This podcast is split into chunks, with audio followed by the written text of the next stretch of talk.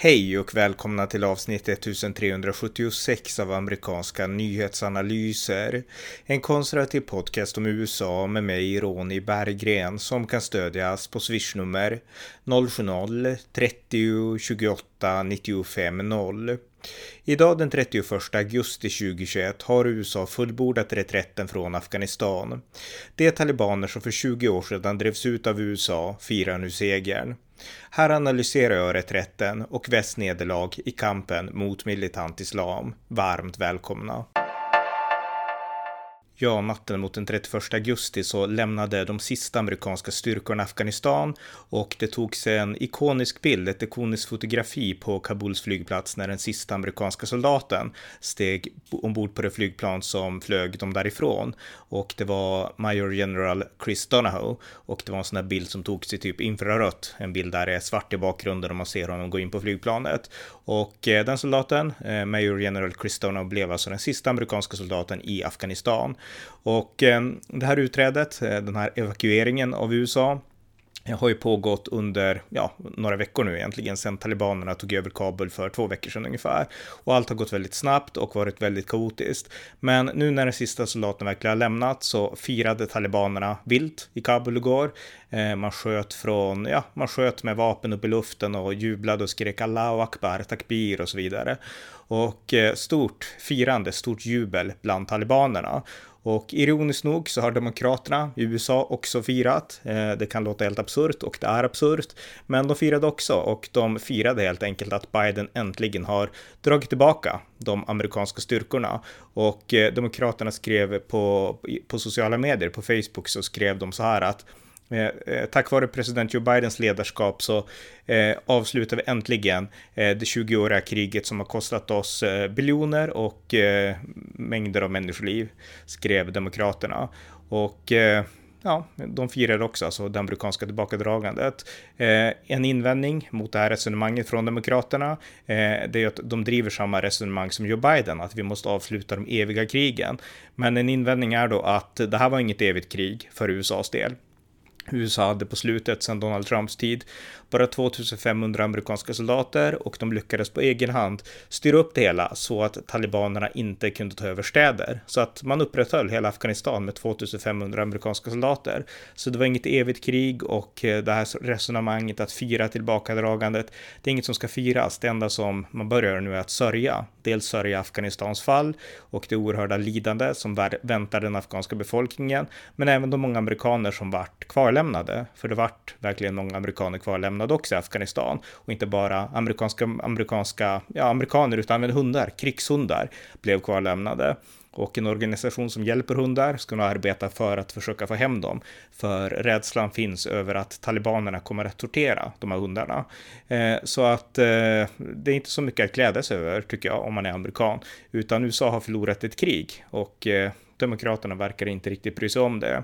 Gällande de som har lämnats kvar så har Joe Biden och Tony Blinken då lovat utrikesministern att eh, man ska fortsätta hjälpa alla som har lämnats kvar.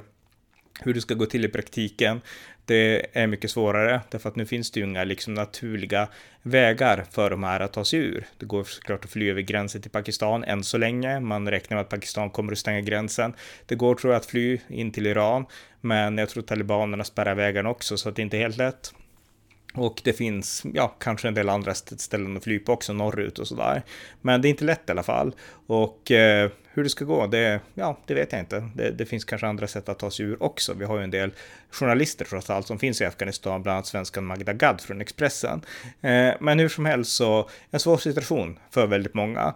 Och eh, det har kommit en opinionsundersökning nu gjord av Reuters Ispos som visar att bara 38 procent av amerikanerna ger Joe Biden tummen upp då för USAs reträtt från Afghanistan. Eh, 49 procent anser också att USA borde ha stannat kvar i Afghanistan för att fortsätta stabilisera nationen. Så att tillbakadragandet är fullbordat, kriget i Afghanistan är slut, eh, talibanerna har segrat, det går inte att säga det på så många andra sätt, utan USA förlorade, väst förlorade, NATO förlorade och talibanerna vann. Det här var ett land som de fördrevs ifrån 2001 när USA invaderade. Nu är de tillbaka i full kraft och har tagit över eh, ja, regeringsmakten, de har tagit över huvudstaden och inte nog med det, de har tagit över amerikanska vapen jag har sett talibaner klädda i amerikanska militäruniformer med amerikanska skjutvapen och det kom bilder igår av en journalist från Kandahar där talibanerna flög omkring med en amerikansk Black Hawk-helikopter, om jag förstått saken rätt. Och eh, den amerikanska krigsutrustningen som, som USA lämnade kvar i grund och botten till den afghanska armén, den är nu övertagen av talibanerna. Och även om de inte kan liksom hantera allt riktigt än, flyga och sådana saker, så eh, är det ingen snack om att de har fått bättre utrustning, de kan lära sig saker och eh, Även om de kanske inte kan reparera helikoptrar och liknande, förmodligen så kan de inte det, så kommer det ändå att hjälpa lite grann. Och inte minst i kampen mot, kanske mot de här rebellerna som har belägrat sig i Panjshirdalen. Så att en stor förlust för USA, en prestigeförlust och eh, bilderna från, alltså från tidigare i veckan då när det här flygplanet steg och människor ramlade av flygplanet, den här helikoptern som lyfter den ambassaden som påminner om Saigon, alltså bilderna nu är så många som liksom bara etsat fast att det här var en amerikansk förlust. Men jag vill betona att det här primärt var en eh, politisk förlust. En förlust orsakad av Joe Biden och demokraternas demokratisk politik. Deras cut and run strategi som de har använt och tillämpade ända sedan Vietnamkriget. Och eh, det var inte militärens förlust. Som sagt, 2500 amerikanska soldater räckte för att se till att Afghanistans städer kunde förbli skyddade. Så att det var verkligen inte en militär förlust, men en förlust likväl.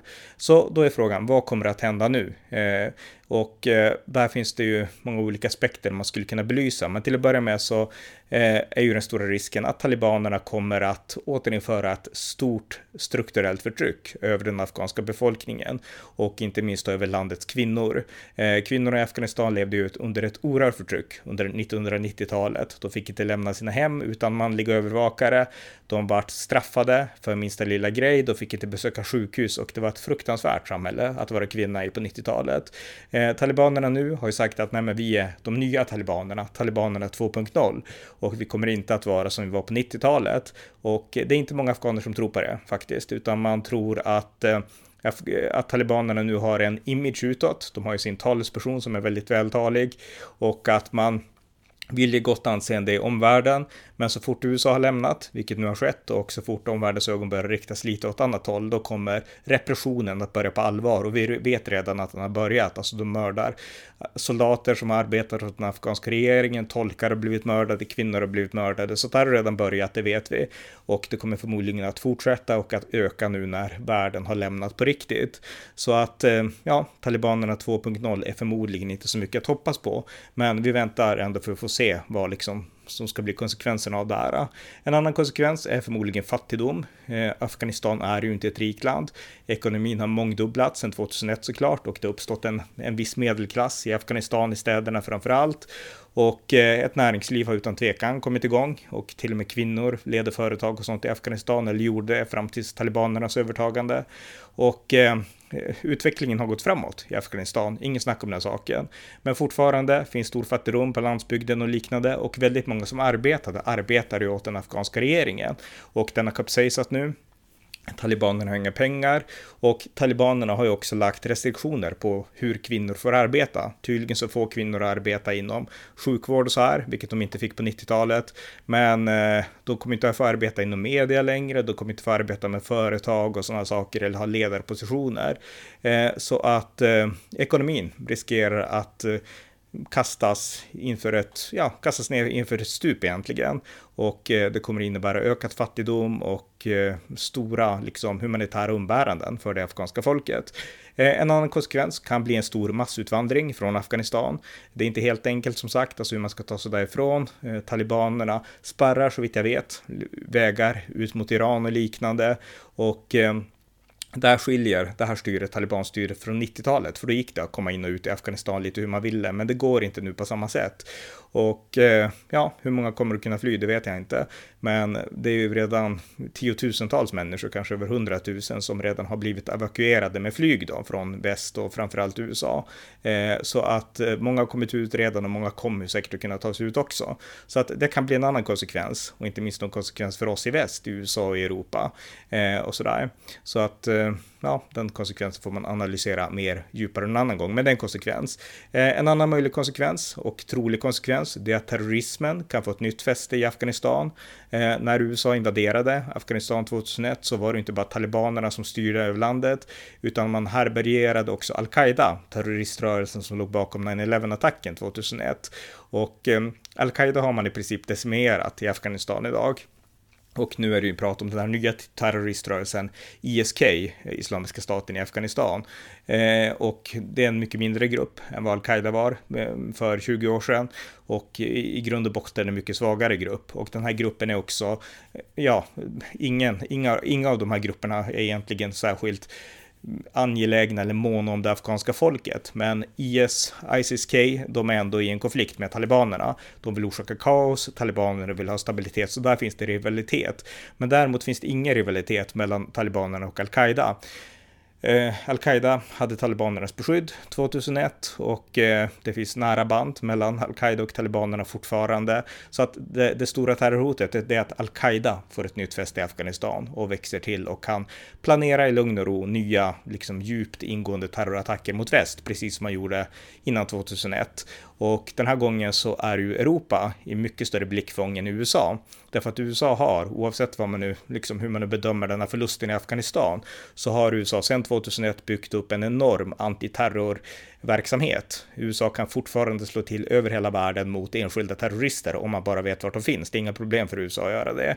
Eh, USA har byggt upp en stark Homeland Security-apparat som har gjort att inga terroristattacker utifrån har lyckats i USA på 20 år. Sen är det interna terrorister som har gjort enskilda vansinnesdåd och så, men de här storskaliga attackerna som attacken. det har inte hänt sedan dess och terrorister utifrån har inte lyckats komma in och liksom infiltrera. Eh, Europa har inte alls samma skydd i förhållande till de här sakerna. Dels har vi en mycket öppnare gräns, vi har inte ett stort hav och vi har inte heller politik som liksom säkrar på samma sätt.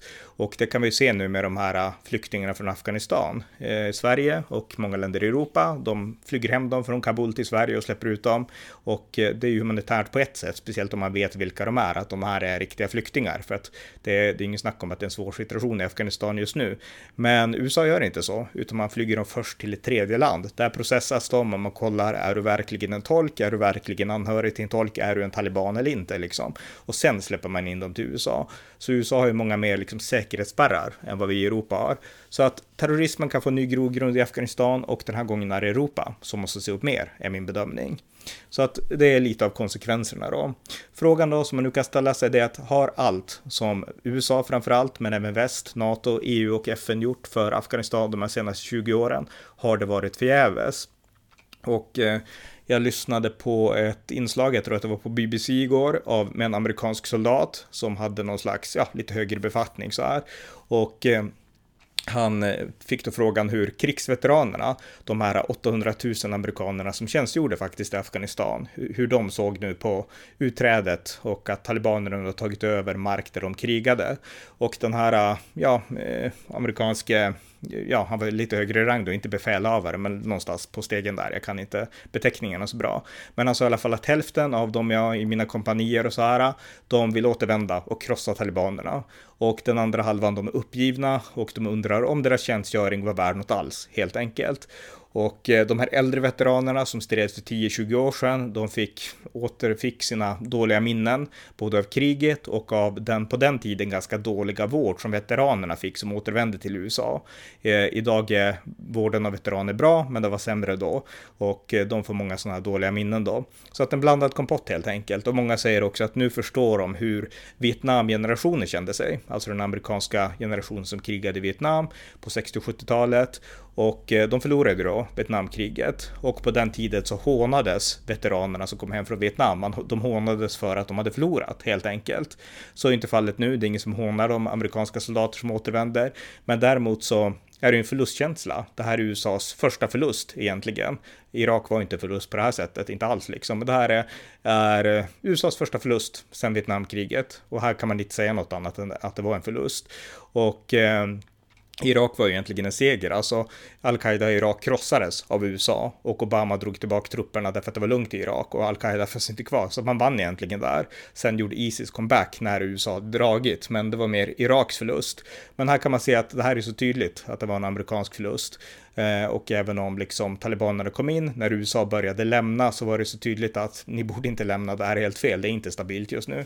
Så att, eh, ja, en förlust här för USA och de säger då, veteranerna, att eh, ja, nu, nu förstår vi hur de kände sig. Det, här, det känns bittert att förlora ett krig eh, och sådär. Men som den här eh, soldaten sa att eh, ja, men det är bara som det är. Så att i USA så är det presidenten som bestämmer krigspolitiken och, och så. Men han tyckte ändå att det var ironiskt att det talad, har talats mer om Afghanistan de senaste tio dagarna lagarna ändå har gjorts de senaste tio åren. Och hade man önskat på något sätt att styra upp det här och förstå och liksom fundera kring rätt och fel politik så borde man ha gjort det under de tio tidigare åren och inte bara tänka på det så här tio dagar nu när det är för sent. Och det är en poäng som jag helt håller med om.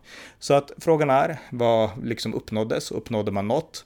Och eh, jag tror jag nämnt henne förut, att eh, Afghanistans före detta ambassadör till USA, en kvinna som jag glömt namnet på nu, hon eh, fick ju den frågan på Fox News och hon sa att oavsett vad som händer nu med talibanerna, vad de än gör, så ska ni amerikaner komma ihåg, och speciellt soldaterna, att ni har betytt hur mycket som helst för Afghanistan. Nu har det växt upp en ny generation afghaner som är väldigt västliga och som är, de kan engelska och de kan liksom, de har fått smaka frihet på ett sätt som fallet inte var för 20 år sedan.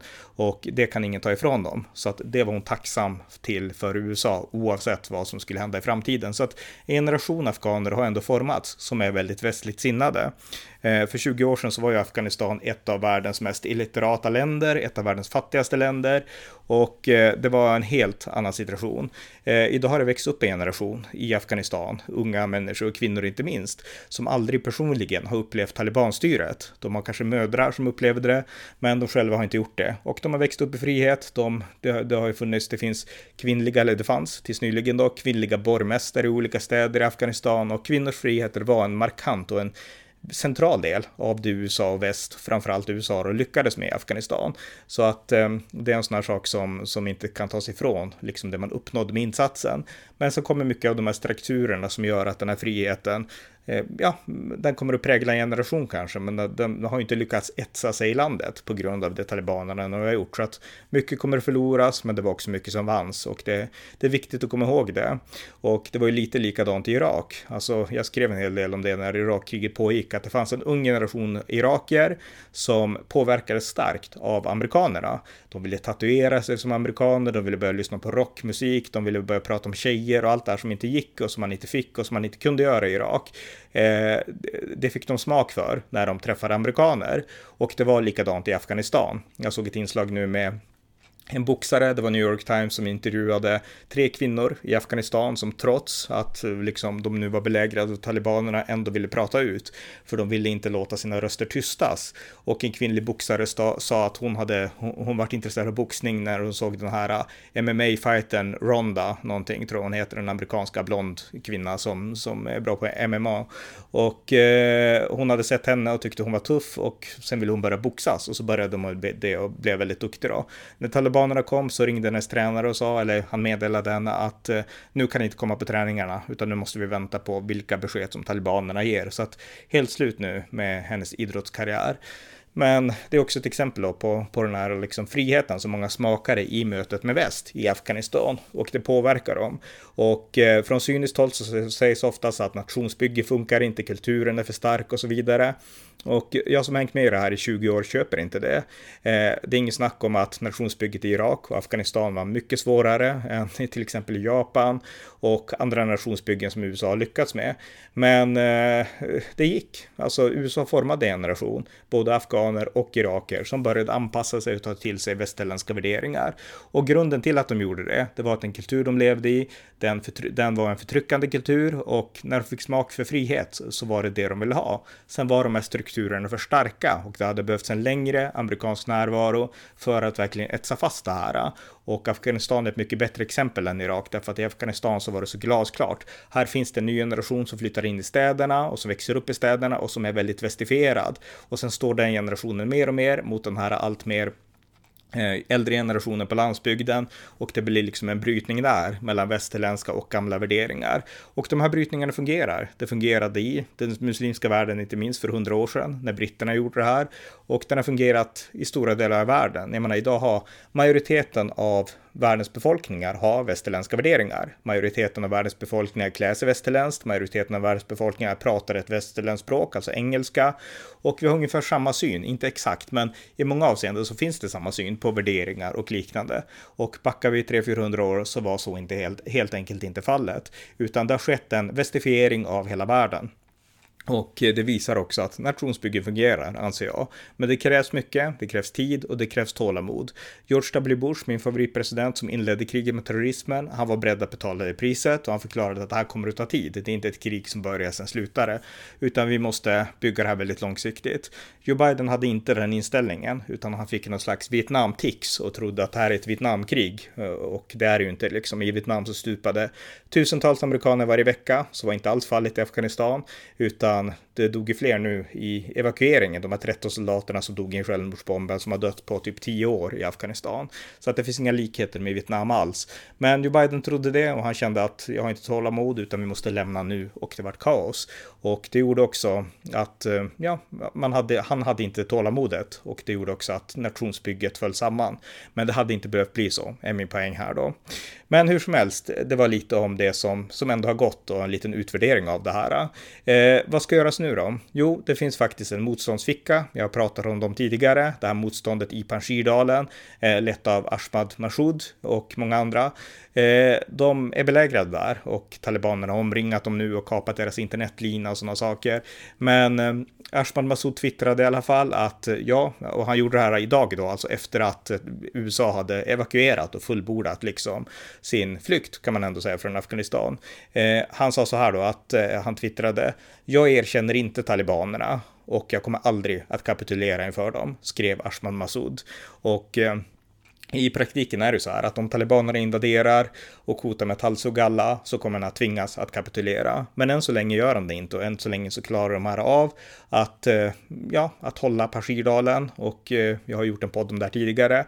Jag anser att väst måste stödja den här motståndsrörelsen. För gör man det så bevarar man åtminstone en liten region i Afghanistan med just det här västerländska som väst ändå gav Afghanistan under de här 20 åren. Så att väst bör bygga en luftbro med vapen, med materiell och med allt som den här motståndsrörelsen kan behöva, anser jag, till Panjshir, så att den åtminstone kan bevaras som en västvänlig utpost i Afghanistan. Men eh, Ashman Massoud i alla fall är tydlig, han kommer inte att kapitulera till talibanerna. Eh, men vad kan sägas mer då för att avrunda det här sam samtalet eller det här, den här utläggningen om den här händelsen då, det är att det här är en förlust inte bara för USA, det är det jag vill avsluta med att betona. Eh, det var såklart USA som lämnade nu, men kom ihåg att NATO, även de svenska styrkorna, lämnade i ett långt tidigare skede och hela NATO-insatsen byggde på amerikansk närvaro. Hade USA dragit för tio år sedan så hade inte en enda NATO-soldat funnits kvar, därför att det här gick inte att göra utan USA. Och inte Storbritannien, som ändå styrde upp mest efter USA, klarade sina enskilda uppdrag utan USA. De de försökte utbilda afghansk militär. Det gick sådär, inte så bra för britterna, bättre än amerikanerna tog över. De försökte säkra Helmand i södra Afghanistan från eh, terrorister och det gick hyfsat. Britterna är ju bra på att kriga, det är inget snack om det, men de behövde amerikansk hjälp de också. Så att grundstommen i hela det här kriget är USA. Eh, så att man kan inte skylla så mycket på USA, utan alla andra drog tidigare och det var USA som bar det tunga lasset. Och eh, nu när USA lämnar, det här är ju ändå en NATO-insats, det ska komma ihåg det i grund och botten, även om det är USA som har burit bördan, så, så är det här en förlust för hela NATO egentligen. Och det är då en förlust för hela NATO och för hela väst i kampen mot militant islam. Vår världsbild, där man tror på demokrati, frihet, eh, liksom religionsfrihet och liknande, förlorade i ett militärt slag mot talibanerna som tror på att införa ett eh, ja, sharia-samhälle byggt på profeten Muhammeds samhälle i Medina på 600-talet. Så att det är helt, eh, vi har alltså förlorat mot de här grottmänniskorna som liksom representerar militant islam. Det är ett faktum. Så att det är en oerhört fruktansvärd förlust för hela västvärlden. Och som jag var inne på tidigare, det här kommer få konsekvenser, inte minst för Europa. Jag har skrivit en bok som heter Västvärldens möte med militant islam, som handlar om islamisk historia i mångt och mycket. Och där så skriver jag om kejsar Heraklius, han då som var bysantinsk kejsare. Och på 600-talet, när den syriska provinsen föll för islams härar, då åkte han fram till Ant Anatolien, kejsar Heraklius, och så tittade han ut över bergen och sa Farväl och Syrien, vilket fantastiskt land detta kommer att bli för fienden, sa kejsar Heraklius. Och eh, med de orden så blev Syrien, det vi kan kalla Syrien idag då, eh, muslimskt och har varit så i 1400 år. Och eh, man skulle kunna säga farväl och Afghanistan. Eh, därför att nu har våran provins där fallit för islam egentligen. För talibanerna men också för eh, deras syn på ett samhälle som bygger på liksom islams urhistoria. Så att eh, väst har förlorat en utpost och eh, när, vi, när jag säger väst så handlar det inte bara om USA, utan om hela NATO och hela västvärlden. Vi har förlorat ett slag mot militant islam. Hur absurt det egentligen är, är svårt att liksom, eh, det är svårt att ta in det, men det, det är helt absurt det här som har hänt i Afghanistan nu. Och eh, ja, det, konsekvenserna av det här kommer att bestå i årtionden. Och jag tror inte att det har sjunkit in i tillräckligt många än. Men det är därför jag vill prata om det här så mycket. Därför att jag tycker att allt som kan räddas måste räddas. Vi måste liksom ge stöd till Panjshir till exempel. Därför att annars blir det här en total förlust. Och eh, det innebär att väst kommer att packa helt enkelt. Vårt inflytande som har handlat om inte minst kvinnors rättigheter, individuell frihet och mänskliga rättigheter och liknande det kommer att, eh, ja, vi har tagit ett steg bakåt nu och andra, historiens andra krafter har tagit steg framåt. En tragedi helt enkelt för västvärlden. Men hur som helst, det var några av mina tankar kring den här reträtten från Afghanistan och eh, talibanernas maktövertagande. Och jag återkommer med fler poddar om det här ämnet. Det var avsnitt 1376 av amerikanska nyhetsanalyser. En konservativ podcast om USA som ni gärna får stödja på swishnummer 070-30 28 95 0 eller genom att via hemsidan stödja på Paypal, Patreon eller bankkonto. Det var allt för den här gången. Tack för att ni har lyssnat.